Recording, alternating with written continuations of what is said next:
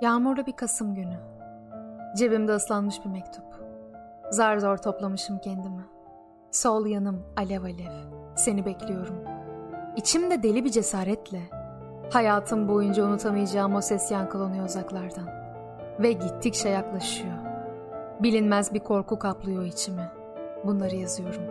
Çünkü konuşacak cesaretim yok. Annemi kaybettikten sonra fazla çevrem olmadı. Yalnız gezdim hep. Sessiz. Yalnız bir çocuk oldum. Annemin gülüşleri vardı sende. Belki bu yüzden farklıydın. Seni her gördüğümde boğazım düğümleniyor, konuşamıyordum. Bu yüzden bu mektubu yazma kararı aldım. Benim hüzne edecek malzemem var. Zaman geçmiyordu. Zaman oydu. Yalnız o. Irmak oydu. Ok da, taş da o. Ama hareket etmiyordu.'' Atılan taş hala orta yerde asılı duruyordu. Gündüz veya gece yoktu.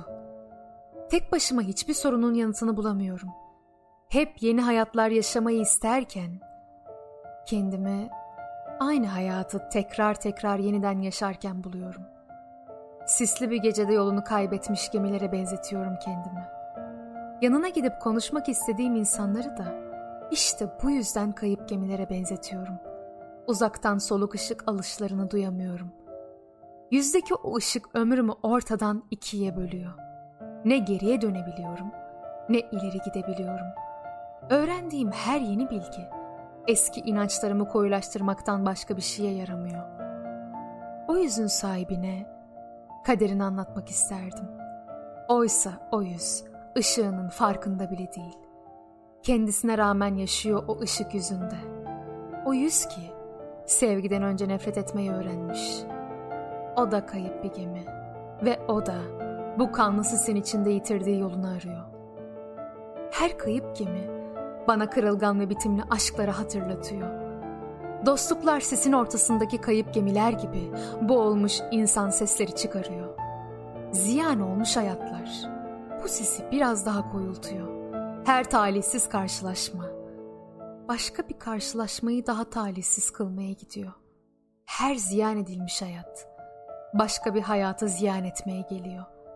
Evimin duvarları bile ayrılığın şarkısını söylüyor. Bir başıma dinlemek istemiyorum ayrılığın şarkısını. Ayrılık, zorba anılarıyla geliyor. Her zorba anı beni ayrılığın karşısında küçük düşürüyor.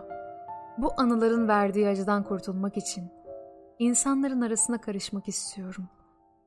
İnsanlardan ne kadar umudumu kessem de yine de insansız yapamıyorum.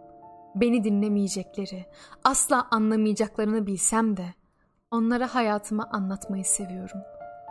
Hem korkuyorum onlardan, hem korkularımdan kurtulmak için onlara sarılıyorum yine de. Sadece benim evimin duvarları değil, bütün evlerin duvarları sanki aynı ayrılık şarkısını söylüyor.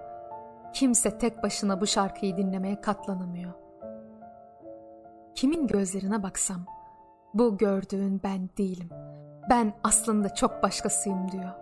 Kimi sevsem, bu sevgiyle yarışacağı yerde benimle yarışıyor. Kim beni sevse, bu sevgide önce kendi yaralarını onarmaya çalışıyor. Sevgi bir eliyle çağırıyor, korku iki eliyle itiyor.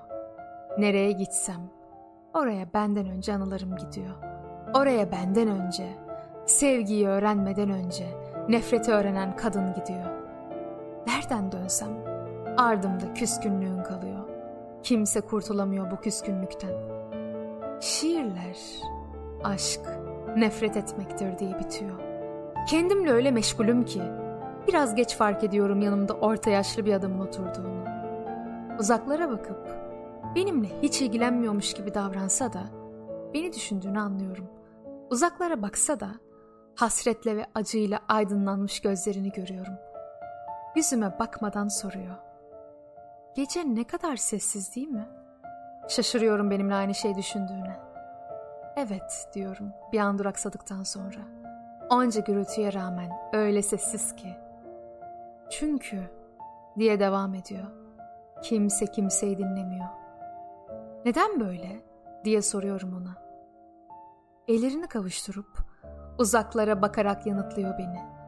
Hepimiz Kendimizi başkalarından çok farklıyız sanıyoruz. Ama aslında birbirimize o kadar benziyoruz ki. Bu yüzden birbirimize nedenli çok görünmez bağlarla bağlı olduğumuzu bir bilsek. Her şey öylesine değişecek ki. Ama bu bağları göremiyoruz bir türlü. Herkes kendisi diye bilmediği bir başkasını anlatıyor. Ve sonra yeniden kendi karanlığına gömülüyor. Birlikte ama yalnızız. Çok yalnızız. Sonra usulca dönüp yüzüme bakıyor. Bana hikayenizi anlatır mısınız? diye soruyor. Şaşırmıyorum bu sorusuna. Yalnızlık ve hayatın bu korkunç belirsizliği öylesine hırpalamıştı ki. Onu kendimden bahsedersem az da olsa bir teselli bulacağımı hissediyorum. O şimdi ne yapıyordur? İçimden karanlık bir ürperti geçiyor. Uyuyordur. Bu konuştuklarımızdan hiç haberi yoktur diyorum. Bence o şimdi sizin uykunuzu uyuyordur. Sizin rüyanızı görüyordur. Kim bilir belki birazdan uykusundan ağlayarak uyanacak. Ve bu konuşmayı duymadan duyacaktır. Sizin varlığınızda onun için yaşattığınız her duyguyu hissedecektir. Hiç tahmin edemeyeceğiniz işaretlerle anlayacaktır bunu. Belki gökyüzüne bakacaktır. İnsanlar arasındaki bu büyüye inanmak gerekir. Karşılaşmalara, tesadüflere inanmak gerekir. Mucizelere. Yaşadığımız her şeyin, en anlamsız görünenin bile ardında bir anlam yatar. Kaderimi gördüm. İnsanların arasındaki o görünmez bağlar. O vardır demiştim ya. Her birimizin bir başkasının üzerinde mutlaka bir etkisi vardır. Daha konuşulacak ne vardı ki? Neredeyse sabah oluyordu. Ama gözlerim kapanmak bilmiyordu. Kalkıp yanımdaki adama son kez bakıyorum. Ve ona veda ederken şunu soruyorum. Peki, siz ne arıyorsunuz bu saatte? Bu bankta kimi arıyorsunuz? Kimi bekliyorsunuz? O dingin, o gözyaşlarıyla, biraz daha aydınlık bakan gözleriyle. Kim bilir, belki de bir mucizeyi bekliyordum diyor. Belki de sizin hikayenizi anlatmanızı bekliyordum.